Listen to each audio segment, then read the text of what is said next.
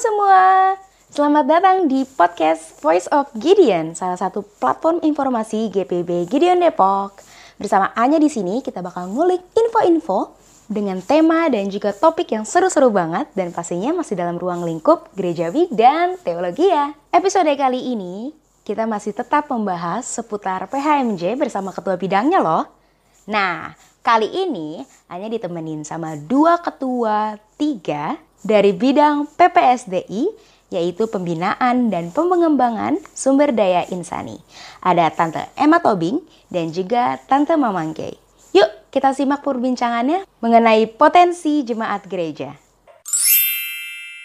Nah, kali ini uh, Anya sebagai salah satu orang awam gitu ya, misalkan uh, bukan misalkan sih, memang hanya orang awam di bidang PHMJ. Nah, bisa minta tolong dijelaskan dulu Tante Emma mungkin uh, ruang lingkup dari si PPSDI ini di gereja Gideon karena kan tiap gereja beda-beda ya Tan ya. Nah, di Gideon itu sendiri PPSDI itu ruang lingkupnya seperti apa? Kemudian program-program yang dijalankan itu sudah apa aja gitu. Bisa silakan. Iya. Jadi uh, bidang empat itu membidangi untuk uh, PPSDI dan PPK ya kak ya seperti tadi disampaikan bahwa PPSD itu pembinaan dan pengembangan sumber daya insani PPK itu penguatan peran keluarga. Nah di dalamnya itu memang yang dikerjakan adalah uh, mengenai pembinaan. Tetapi juga kita membawai untuk bidang pelkat. Seperti itu. Nah jadi uh, pembinaan itu memang uh, hal yang sangat penting karena memberikan kepada warga gereja itu pengetahuan dan juga pengertian, pemahaman bagaimana uh, jemaat itu bisa secara kritis gitu ya. Mereka mampu untuk melakukan, menganalisa dan menilai terhadap uh, pergumulan iman, misalnya di gereja itu baik masyarakat, bangsa, negara, sehingga kita semua ini mampu untuk melaksanakan tugas panggilan kita sebagai warga gereja. Nah, jadi pembinaan itu kan pada hakikatnya merupakan satu upaya bagaimana kita menumbuhkan, mengembangkan kedewasaan iman warga gereja uh, pada khususnya ketika menghadapi pergumulan di tengah-tengah kehidupan sebagai baik dia sebagai masyarakat, bangsa hmm. dan juga negara seperti itu. Banyak uh, hal-hal uh, yang sudah di kalau bicara mengenai uh, juga program kerja yang di lakukan gitu ya yang disusun oleh pelkat-pelkat itu uh, pada prinsipnya itu juga mereka bagaimana bisa mengembangkan sumber daya itu sendiri dari setiap pelkat gitu jadi hmm. apa yang mereka butuhkan biasanya mereka masukkan itu di dalam program misalnya contoh ya seperti ya. tahun lalu di mana GP itu sangat membutuhkan uh, pembinaan bagaimana untuk mereka ketika mau melamar bekerja. Jadi Oh iya, hanya ikut tuh, ya kan, ikut. Kak? Ada ya, oh, hanya ikut ya. Nah itu ya. tuh sangat memperlengkapi sekali teman-teman yang hmm. akan memulai bekerja, bagaimana mereka mempersiapkan diri secara khusus yang baru misalnya baru lulus gitu ya, mempersiapkan mental mereka ketika mereka di interview. Jadi itu kan langsung Oh, hanya ada uh, simulasi kan, interviewnya tuh. Iya, iya benar nah, ada simulasinya. Itu. Nah, hal-hal seperti itu yang memang sangat memperlengkapi jemaat secara khusus apa yang menjadi kebutuhan mereka. Nah, di sinilah uh, bidang kita untuk apa mensupport sehingga apa yang menjadi kebutuhan jemaat itu bisa terpenuhi. Seperti hmm. itu. Kalau untuk survei-surveinya kan namanya kebutuhan gitu ya kan. Apalagi fungsinya agak berat nih, pembinaan dan pengembangan gitu ya. Itu kan pasti harus ada survei dulu apa yang dibutuhkan sama warga jemaat. Itu kira-kira di bidang survei itu sendiri ada nggak sih kan? Mungkin Tante ya. Mamakai boleh, Tante Emma boleh. Uh, untuk survei-surveinya biasanya kita setiap tahun itu ada pertemuan dengan uh, jemaat gitu ya, hmm. kak ya. Jadi kita ada pertemuan dengan seluruh jemaat. Nah di situlah tempat di mana sebenarnya jemaat bisa menyampaikan apa yang menjadi uh, kebutuhan mereka, gitu ya? masukan-masukan oh, gitu ya kak ya, masukan-masukan. Nah dari situlah berangkat dari masukan-masukan itu, kemudian uh, mulai kita uh, apa uh, bicarakan, kita godok gitu ya hal-hal apa yang bisa menjadi, yang bisa kita support untuk bisa uh, di apa di dilakukan gitu ya, dimasukkan di dalam program kerja kita. seperti itu. Silakan mungkin Ibu Mamangke juga bisa menambahkan. Ya, ah baik terima kasih melengkapi apa yang disampaikan Bu Emma sudah sangat uh, ya yang disampaikan Bu ya. Emma uh, dalam rangka pembinaan. Nah ini kan uh, bidang empat yang uh, menjadi bidangnya ketua tiga kita sifatnya hanya koordinir gitu ya, hmm. karena kita disupport oleh komisi. Oh ya. Adanya komisi PPSDI dan juga pengurus-pengurus Pelkat sebagai bagian dari uh, apa? Uh, bagian dari unit-unit misioner gitu. Jadi masukan-masukan dari warga jemaat itu itu antara lain melalui pelkat-pelkat dan juga disampaikan melalui komisi PPSDI maka diramu oleh Komisi PPSDI lalu dimasukkan diusulkan gitu ya hmm. lalu kemudian dimasukkan ke dalam eh, eh, PKA program kerja seperti itu uh, Anya. Oke. Kalau gitu Anya mau tanya juga nih Tan tadi kan sempat disebutkan tentang pembinaan itu salah satunya adalah uh, kebutuhan dari GP ya waktu itu Tan karena kebetulan Anya juga ikut uh, karena kan kayak yang tadi Anya bilang nih bidangnya itu pembinaan dan juga pengembangan. Kira-kira ada uh, follow up-nya lagi nggak sih Tan setelah terjadinya sebuah seminar interview itu? Soalnya yang kemarin Anya rasain setelah kita simulasi interview kerja, udah selesai aja gitu. Iya, uh, sebetulnya uh, dari pengurus GP itu sendiri ya, ya. itu memang memberikan uh, respon kepada kita hasil daripada kegiatan itu. Nah, mereka punya juga uh, apa laporan pertanggungjawaban yang mereka sampaikan, kemudian ya. juga uh, hasil dari pengembangan apa yang sudah diikuti gitu ya.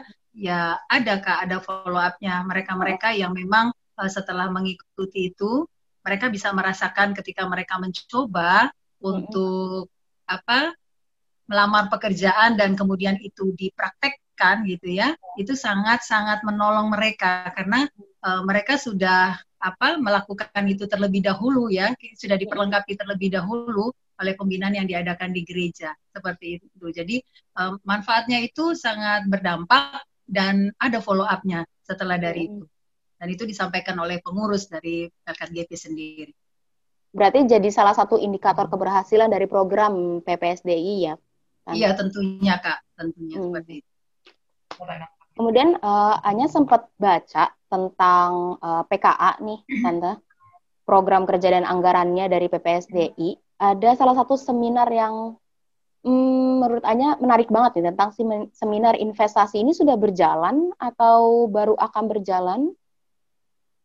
Iya, seminar investasi itu memang uh, berawal dari ada kerinduan dari uh, jemaat kita yang mempunyai potensi begitu ya untuk berbagi ya. bagaimana untuk mengembangkan uh, wirausaha bagi jemaat-jemaat gitu ya. ya karena kan mungkin sering kali mereka uh, punya kerinduan mau usaha tapi bagaimana ya caranya Nah, itu kan perlu diperlengkapi sehingga ya. apa yang menjadi mimpi mereka misalnya usaha apa pun mereka diperlengkapi dulu nih punya dasarnya, punya fondasinya. Nah, ada kerinduan dari teman-teman yang yang apa punya background itu sehingga timbullah uh, apa uh, program kerja untuk mengenai seminar investasi itu ya Kak ya.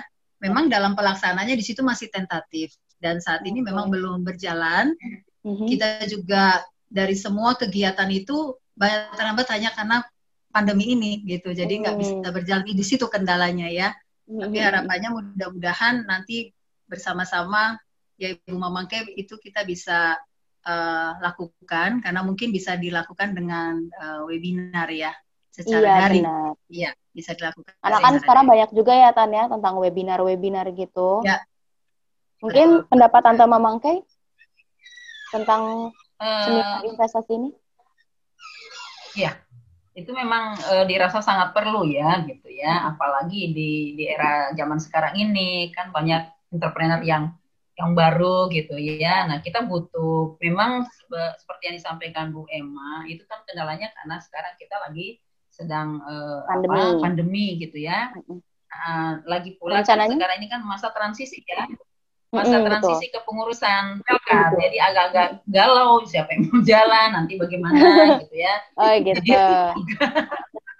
Ya, semoga nanti ketika sudah ada pengurusan yang baru ini bisa ditindaklanjuti.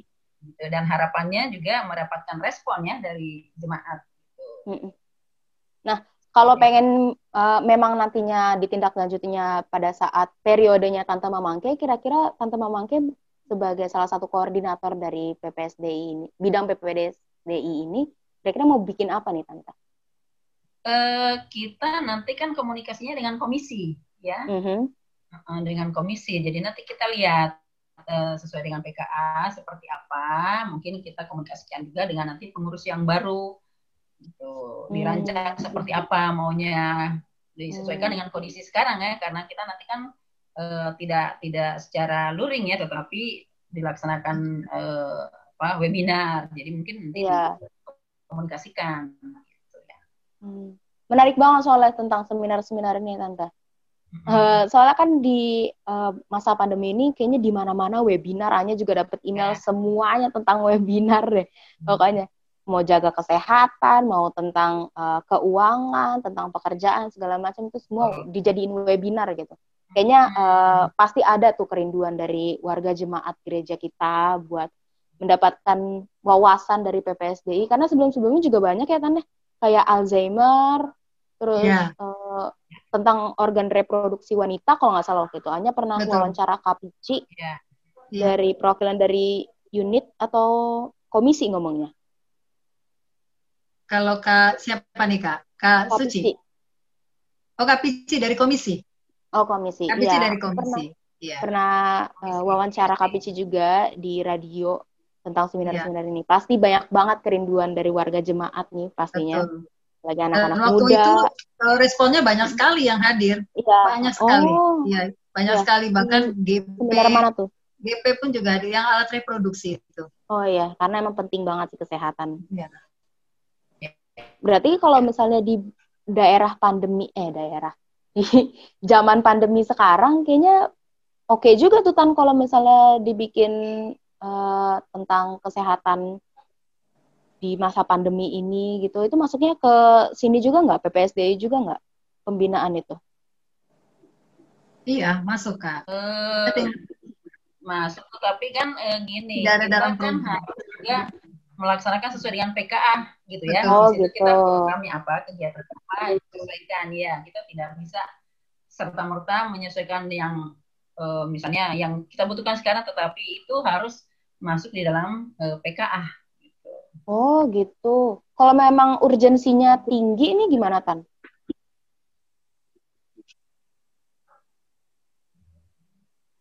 mengenai apa nih pembinaan itu tentang Iya, kesehatan. tentang kesehatan, apalagi di pandemi ini kan.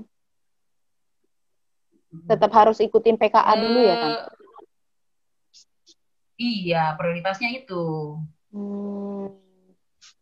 karena kan eh, itu kan berkaitan dengan eh, biaya ya gitu. Mau nggak mau kan itu harus disesuaikan. Sementara kan kita juga harus eh, lihat kondisi sekarang ini kan.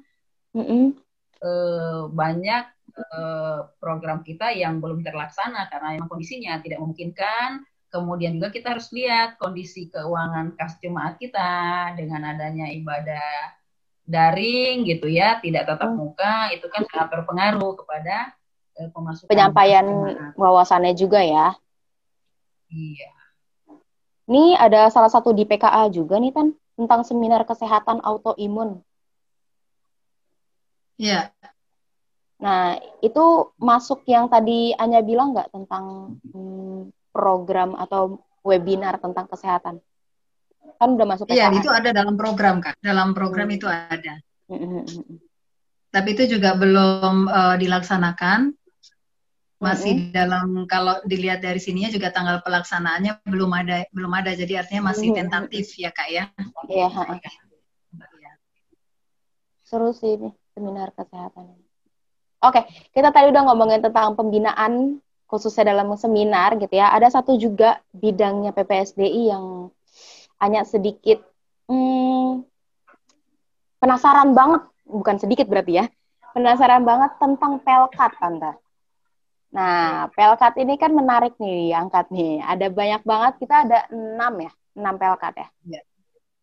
Ada enam pelkat, tapi ada dua yang agak sedikit, hmm, agak gimana gitu ya, agak kurang terdengar mungkin. Mungkin tante-tante udah udah tahu uh, apa yang bakalannya bicarain, uh, yaitu tentang pekat PKB salah satunya.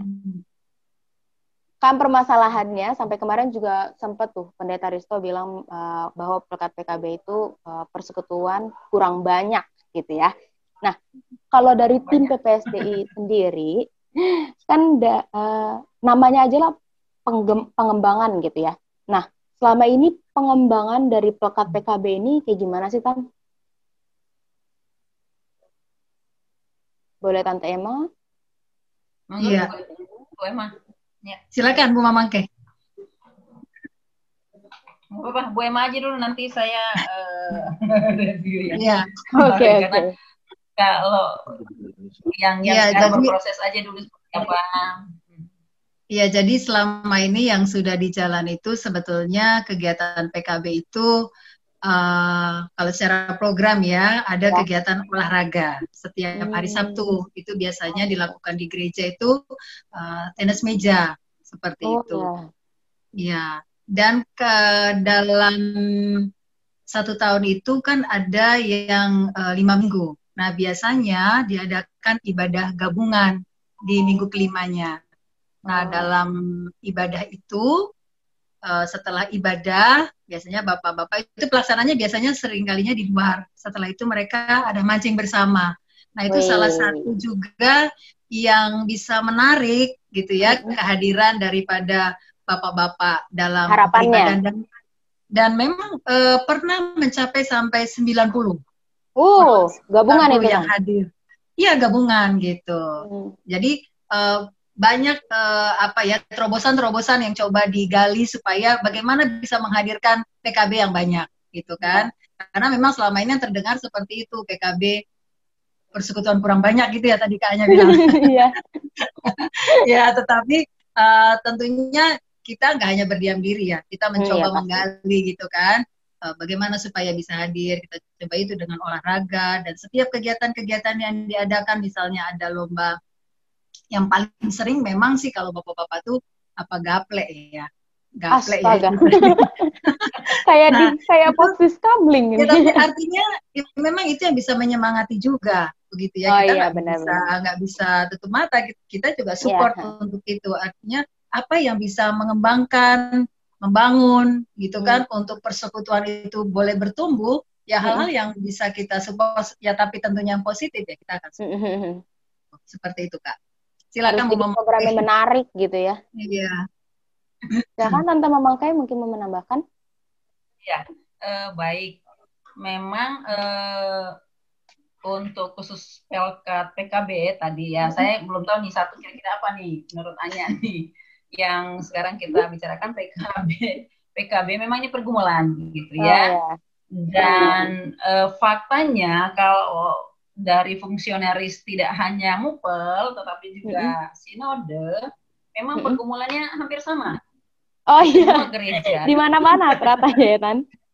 Pergumulannya hampir sama ya PKB mm -hmm. sehingga diberi julukan apa persekutuan kurang banyak gitu ya.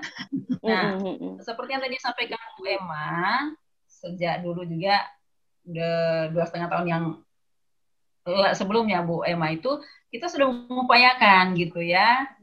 Eh, kemudian kita bikin ketika itu bikin pertemuan membahas khusus apa sih sebenarnya yang yang kira-kira yang eh, menarik bagi bapak-bapak gitu ya. Sehingga mereka apa mau termotivasi untuk beribadah gitu ya. Maka dibuatlah seperti yang tadi disampaikan Bu Emma. Ada olahraganya di minggu kelima kemudian uh, itu sempat berproses terlaksana itu olahraga kemudian bergeser ke tadi mancing gitu ya. Oh, nah, ya. sudah survive tuh awalnya tuh banyak memang tadi disampaikan Bu Emma itu betul, hmm. tetapi kemudian ke sini ke sininya merosot lagi gitu ya. memang sedang berupaya memikirkan bagaimana caranya supaya eh, bapak-bapak ini punya ketertarikan untuk tetap beribadah, Hmm. bersekutu. Mungkin nanti ke Hmm. depannya kita upayakan kalau memang su- dulu sudah pernah dicoba sih sebetulnya kalau Hmm. emang merasa di eh, internet sektor itu kurang banyak, apakah bergabung dua sektor sudah pernah seperti itu. Hmm. Nah itu hanya berjalan sebentar juga, kemudian hilang lagi gitu ya. Kemudian diupayakan apakah dirubah tata ibadahnya jadi Ya. lebih lebih banyak kepada sharing gitu ya, sesuai dengan kebutuhan bapak-bapak tentunya. Nah ini yang masih harus kita gali ke depannya gitu. Jadi mudah-mudahan ya paling tidak gitu kita bisa menjawab apa yang menjadi kebutuhan eh, para kaum bapak gitu ya. Tapi Jadi pastinya ada mungkin- diskusi kan, Tan? Ke bapak-bapaknya, ada survei. Iya, selalu ada gitu Oh, ya. ya. Selalu kita tampung kan, kita setiap minta Mm-mm. masukan gitu ya.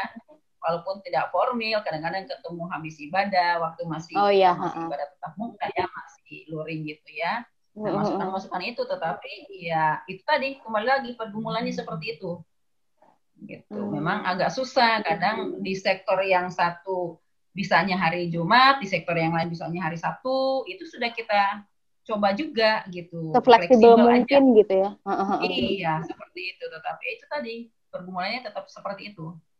Gitu. Ke depannya kira-kira eh, bakal kayak gimana nih PKB, Tante? Menurut Tante?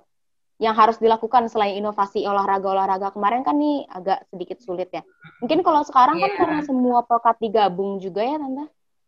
Mm-mm. Sementara ya sekarang ya ke depannya kita lihat ya eh, tetap kita tetap harus berorientasi ke PKA tentunya ya yang menjadi kebutuhan gitu. Tapi eh, ya mungkin kita lihat mudah-mudahan nanti kepengurusan yang baru kan punya inovasi yang baru gitu ya.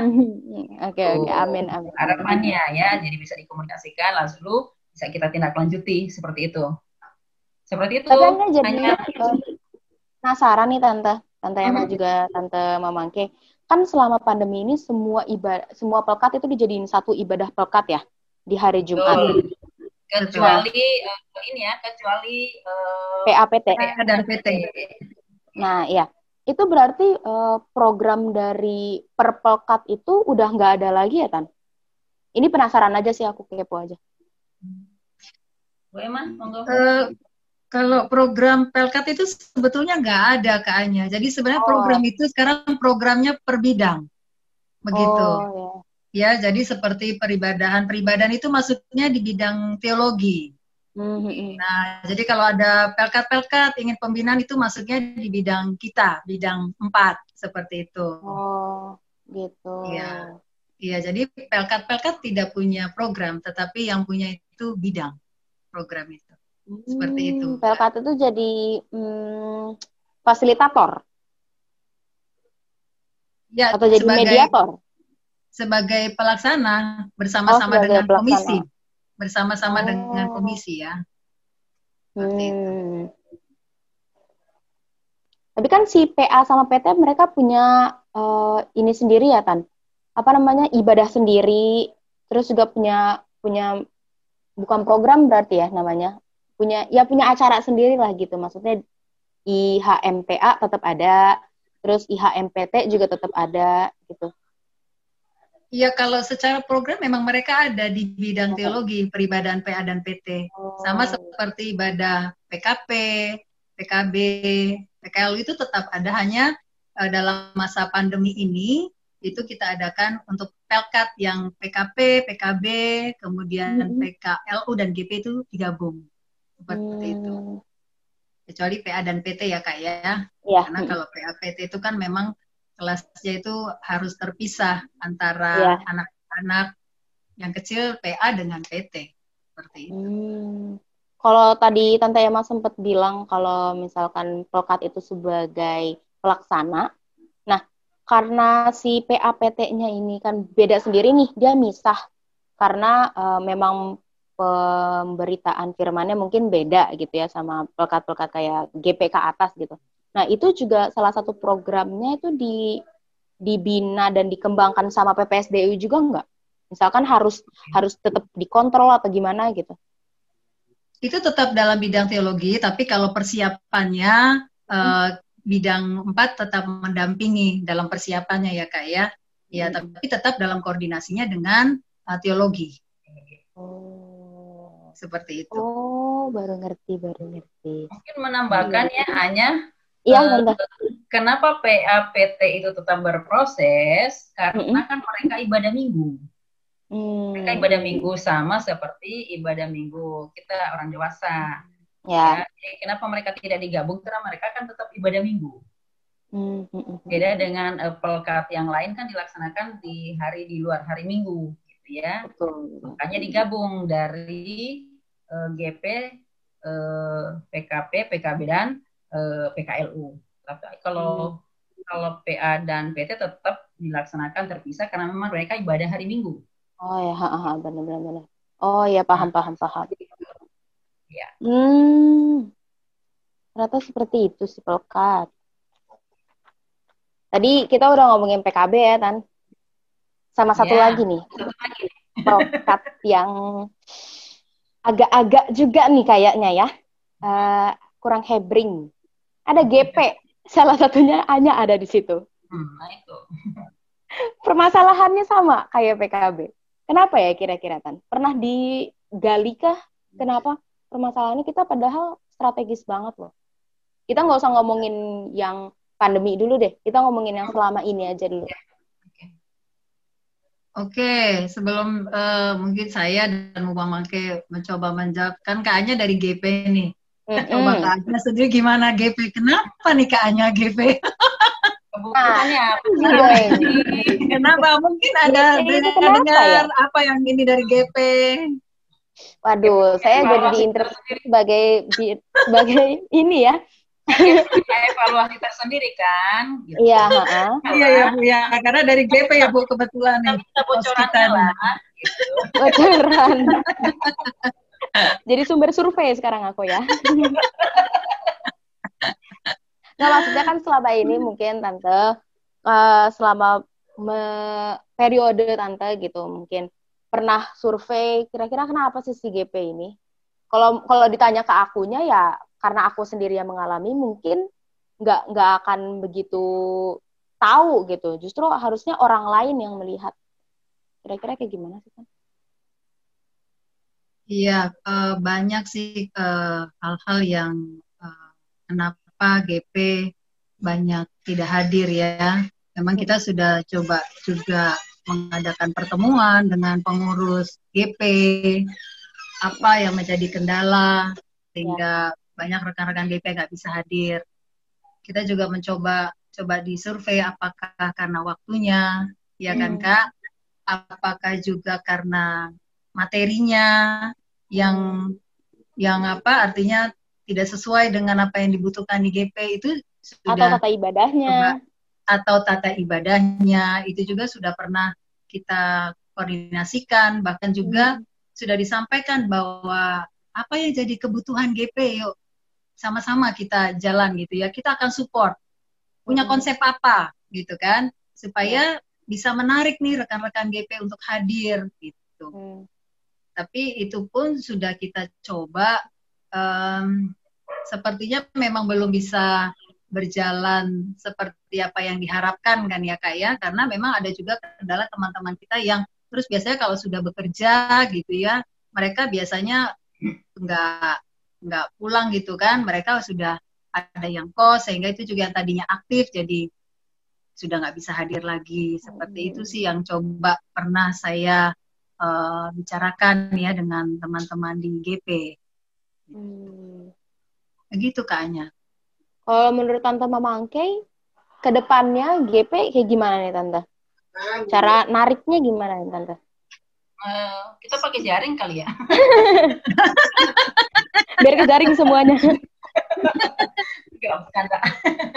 Iya, uh, problemnya memang sama ya Bu Emma juga sudah mengalami, mungkin Anya juga uh, di dalamnya sudah otomatis merasakan itu ya. Uh, kita menyebabkan padahal kan mungkin salah satu penyebabnya karena faktor usia ya menurut saya gitu ya. Uh-huh. Karena kan GP itu kan harus uh, usianya dari 18 sampai 35 tahun.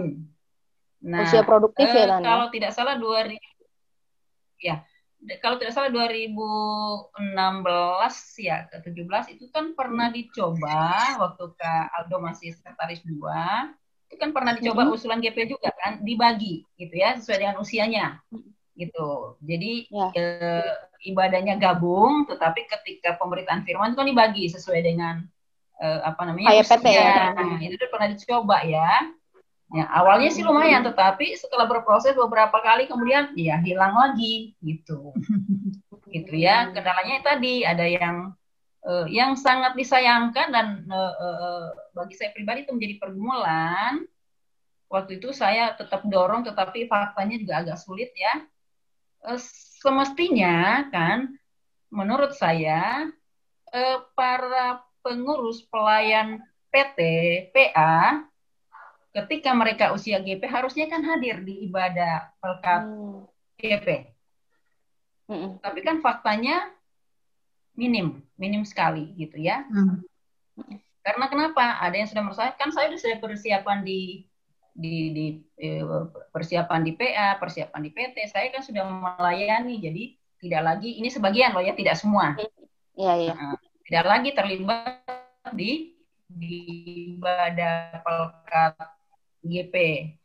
Hmm. Ya, ada yang lain juga kendalanya seperti tadi disampaikan Bu Emma gitu ya, ada yang sudah bekerja gitu ya. Nah, ada yang uh, kalau usianya terlalu jauh perbedaannya kan agak sungkan juga. Ini kan GP anak-anak baru CD katekisasi. Iya, benar. Jadi usia yang sudah katakanlah sudah di atas ini agak iya, agak semacam ada jarak ya hmm. gitu. Komunikasinya kurang nyambung menurut saya loh itu ya pengamatan yang dulu gitu. Nah, ke depannya harapannya kan pengurus GP sudah harus punya evaluasi, hmm. gitu ya.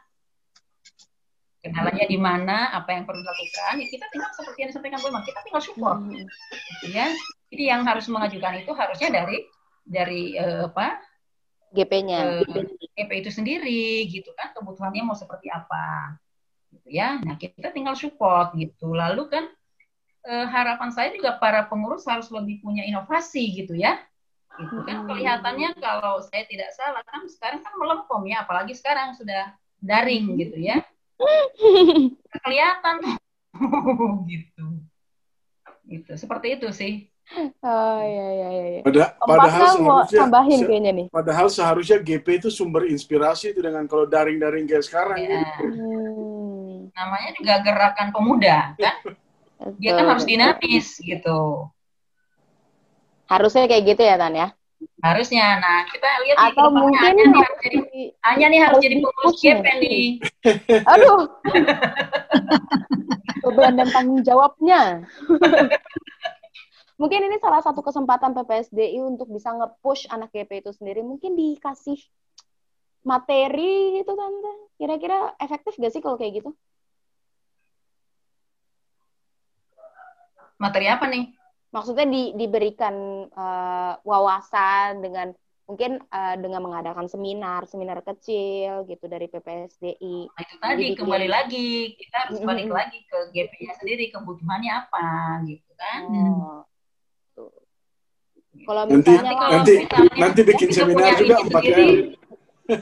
Apa nah, tuh 4 L? Lagi lu lagi. Lu lagi lu. oh, oke. Okay. Misalnya nih uh, apa komisi PPSDI buat sementara tidak tidak sesuai dengan apa yang menjadi harapan uh, eh, GP kan susah juga nanti kan mubazir. Berhasil juga. Jadi harusnya dari GP-nya yang harus kasih uh, apa masukan gitu kebutuhannya apa. Tetapi juga kalau sudah di support harusnya kan tetap uh, apa berproses gitu.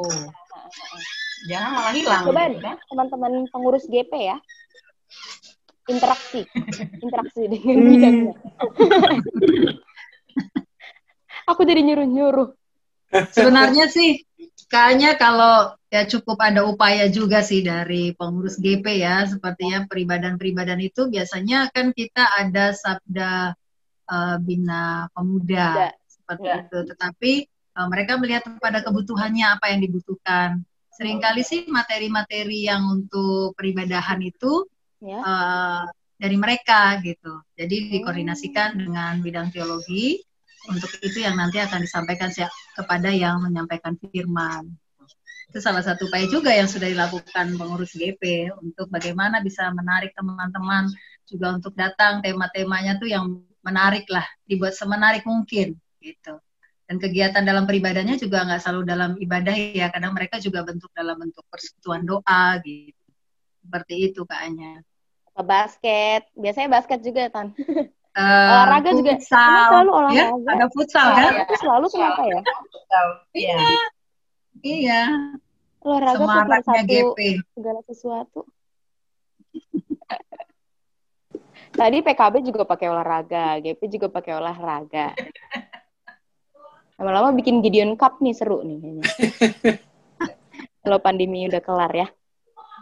Oke, enough tentang pelkat. Ada mau pindah lagi karena bidang PPSD ini banyak banget.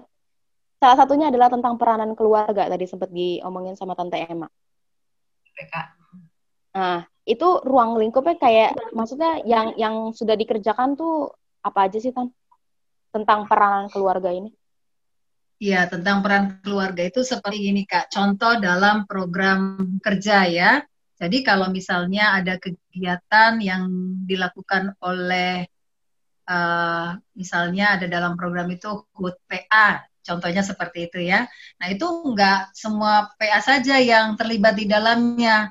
Itu bisa melibatkan dari pelkat-pelkat lain, dari pelkat PKP, pelkat GP, PKB, PKLU gitu. Itu bisa terlibat di dalamnya dalam kegiatan-kegiatan seperti itu. Itu peran keluarga atau juga diingatkan misalnya dalam pribadian keluarga. Ya, yang sering terjadi itu pribadian keluarga biasanya ibadah keluarga yang datang tuh kan uh, cuman uh, Bapak, ibu. bapak sama ibunya aja. Padahal Iya. ibadah keluarga itu tuh mencakup ya anak-anak juga di dalamnya gitu kan, oma opa seperti itu. Nah itu salah satu contoh dari uh, penguatan peran uh, keluarga. Tapi kalau sendiri. menurutku sendiri kan kalau emang ibadah keluarga itu mau semua satu keluarga, apa bedanya sama ibadah hari Minggu? Ya, menurut saya sih lain ya kak ya. Kalau ibadah keluarga yang kita adakan itu kan di sektor-sektor ya. Jadi Hmm. mempererat juga keluarga-keluarga di dalam uh, sektor. Kalau ibadah minggu itu kan mungkin lebih luas, lebih luas ya. Artinya gabungan dari Jumat dan juga ada simpatisan di dalam. Seperti Mungkin itu, salah Kak. satu faktornya kenapa cuma bapak ibu karena pikiran anak-anaknya kayak aku. Karena sama aja hari Minggu sama hari Rabu lah sama-sama aja. emang nggak pernah mau ikut kan? Dan emang nggak pernah Iya. ikut. Paling kalau mama pulang nanyain doang makanan Iya, udah iya. ada. Iya, eh, betul betul. Hanya mama papa aja tuh yang ada di sektor. Nah, kayaknya ke mana nih dicari juga nih. Padahal dari GP harus ikut. PPK-nya jadi jalan tuh kayaknya. Oh iya benar ya. Aku ikut sih waktu itu kan waktu katek biar ngisi buku katek. Katek karena ada tugas dari Katek kan. Tuh, karena tuntutan. Oh, ngomongin tentang katek juga nih. Katek, katek, katek itu masuk terda, dalam masuk bidang PPSD juga nggak sih, Tan? PPSDI. Betul. Ya. Katekisasi. Kan sekarang online ya, Tante. Mhm. Iya betul, betul kak. Secara Beda daring. banget gak sih sama nggak daring? bukan dari medianya ya, bukan dari medianya. Maksudnya dari eh, keberhasilannya atau outputnya tuh lebih lebih be- beda banget gak sih? Mungkin anak-anaknya jadi lebih males-malesan masuk atau kayak gimana gitu. Hmm, kalau itu nggak ada males-malesan ya kak, karena dari awal mau pelaksanaan kan kita sudah ada pertemuan bersama dengan orang Oh. tua dan katekisan, ada ketentuan-ketentuannya, ada arahannya untuk mengikuti katekisasi gitu ya. Jadi nggak hanya sekedar eh, datang kemudian berbeda dengan ketika luring nggak sama ketentuannya semua eh, kedisiplinannya semua berjalan sama gitu. Jadi eh, melihat keaktifannya juga eh, sama saja ya karena kita juga ada eh, ruang diskusi. Salah satunya Pak Pascal itu yang menjadi juga pembicara di kelas katekisasi ya Pak Pascal Iya. begitu Kak. Menarik sih si katekisasi ini nanti red-rednya kayak gimana, terus nanti CD-nya kayak gimana itu kepo sih hanya kayak gimana sih kan? Kan soalnya sempat ada nih omongan kalau dari ahli epidemiologi kalau salah. Apa aku salah penyebutannya gimana? Katanya eh, kita bakal Indonesia itu bakal puncaknya itu di di tahun 2021 kan Ran. Jadi kemungkinan tah, akhir tahun ini masih belum selesai. Itu CD-nya kayak gimana? Online juga kah? Atau datang ke gereja tapi dengan social distancing kayak gimana? Iya, untuk sementara ini sih kita memang lagi, kita ada tim adaptasi kebiasaan baru, Kak. Nah, itu salah satu adalah tim yang akan mempersiapkan seandainya gereja dibuka. Nah, tapi ini juga sedang dalam persiapan untuk peneguhan CD. Jadi tidak secara daring, tetapi secara luring. Hanya tetap masih dipersiapkan karena melihat kondisi saat ini, untuk saat ini tidak memungkinkan karena yang di tahun 2019 itu kan belum diteguhkan. Ya, Hmm. tapi Oh iya benar-benar.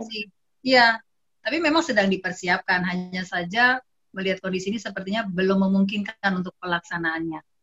Nantinya bakal di, dirapel istilahnya berarti kan. dirapel dengan yang ini. Mm-mm. Harapannya sih tidak dirapel, harapannya tidak dirapel. Bisa dilaksanakan di bulan Oktober, tapi dalam persiapannya kemarin terus tiba-tiba kan langsung ada jam malam di Depok, ya karena tingkat pandemi Hmm. yang tinggi juga. Terus sekarang Jakarta juga PSBB ketat lagi, seperti itu. Jam malam harusnya nggak nggak bermasalah sih Tan. Kita kan nggak gerejanya malam-malam. Iya betul, tapi kan artinya pandemi ini kan sedang tinggi, apalagi klaster keluarga sekarang sedang eh, marak ya kan kak, Oh iya. iya seperti benar. itu. Dan itu juga kalaupun kita lakukan tidak bisa eh, banyak seperti yang angkatan 2019 itu kurang lebih ada 24. Kita akan bagi menjadi dua gitu. Dan Oh. dengan ketentuan-ketentuan bahwa hanya orang tua saja yang akan mendampingi begitu dan nanti keluarga-keluarga bisa difasilitasi dengan Zoom.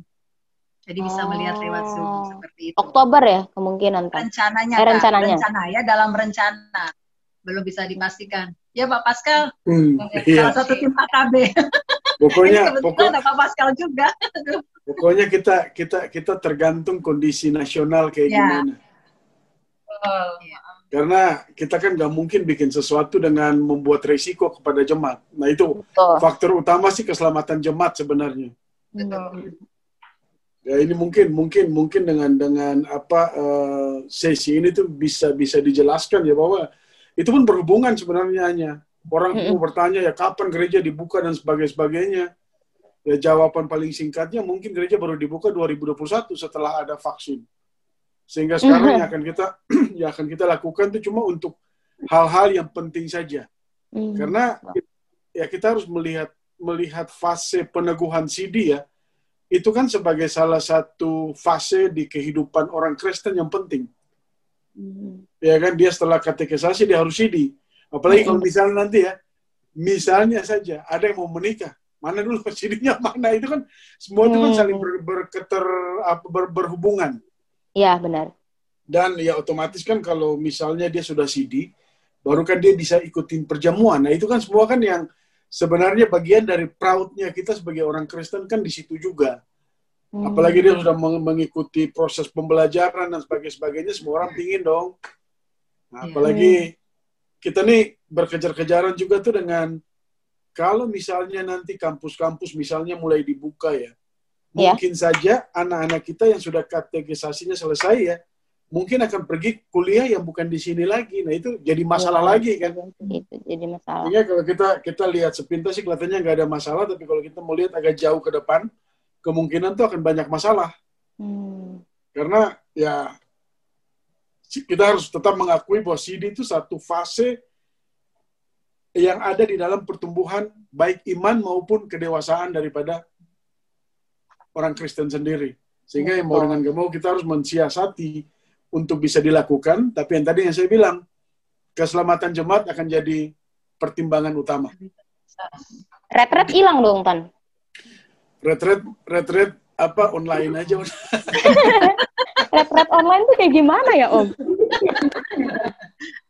Se- seben- sebenarnya sebenarnya sih banyak yang bisa dilakukan sekarang dengan online sebenarnya cuma ya karena ya kan kayak semacam dulu kan semua orang nggak pernah berpikir bahwa kita akan beribadah pelkat online kita akan Hmm. bergereja juga secara daring Hmm. kita start pertama ibadah daring aja tuh wah semua orang banyak yang nggak percaya ini bisa nggak ini pasti nggak nggak Hmm. nggak nggak bagus tapi kondisi dan keadaan yang apa eh, memang memaksakan kita harus begitu di samping di sisi yang lain ya kita harus bersyukur juga lah bahwa segala sesuatu terjadi itu kan setelah teknologinya memungkinkan dan sebagainya. Iya, sebagainya. Sehingga kalau kita lihat dalam satu siklus kayak gitu ya, ya kita Hmm. harus cuma bisa lakukan satu thank thanks God gitu loh bahwa ya memang Hmm. segala sesuatu itu ada jalan keluarnya. Jadi mau dengan gak mau kita nggak bisa berpikir lagi hanya bahwa oh ini harus begini harus begini ya. Hmm, hmm. Bahkan nanti salah satu hal yang harus dipersiapkan bahwa mungkin kita Hmm. nggak akan pernah punya orang yang bisa hadir di gereja sampai 650 orang atau kalau macam misalnya Eh, jangan. akhir tahun kita ada sampai 1500 1300 itu akan makin susah nanti itu kejadiannya. Jangan Karena-. Perimbangan-perimbangan itu yang harus memang diantisipasi. Iya benar. Sehingga bentuk pelayanan pun harus mulai kita berpikir untuk diadaptasikan dengan kondisi yang ada. Itu yang penting. Betul. Jangan jadi gara-gara dipaksa eh daring segala macamnya jadinya stop inovasi ya Om ya. Betul, betul.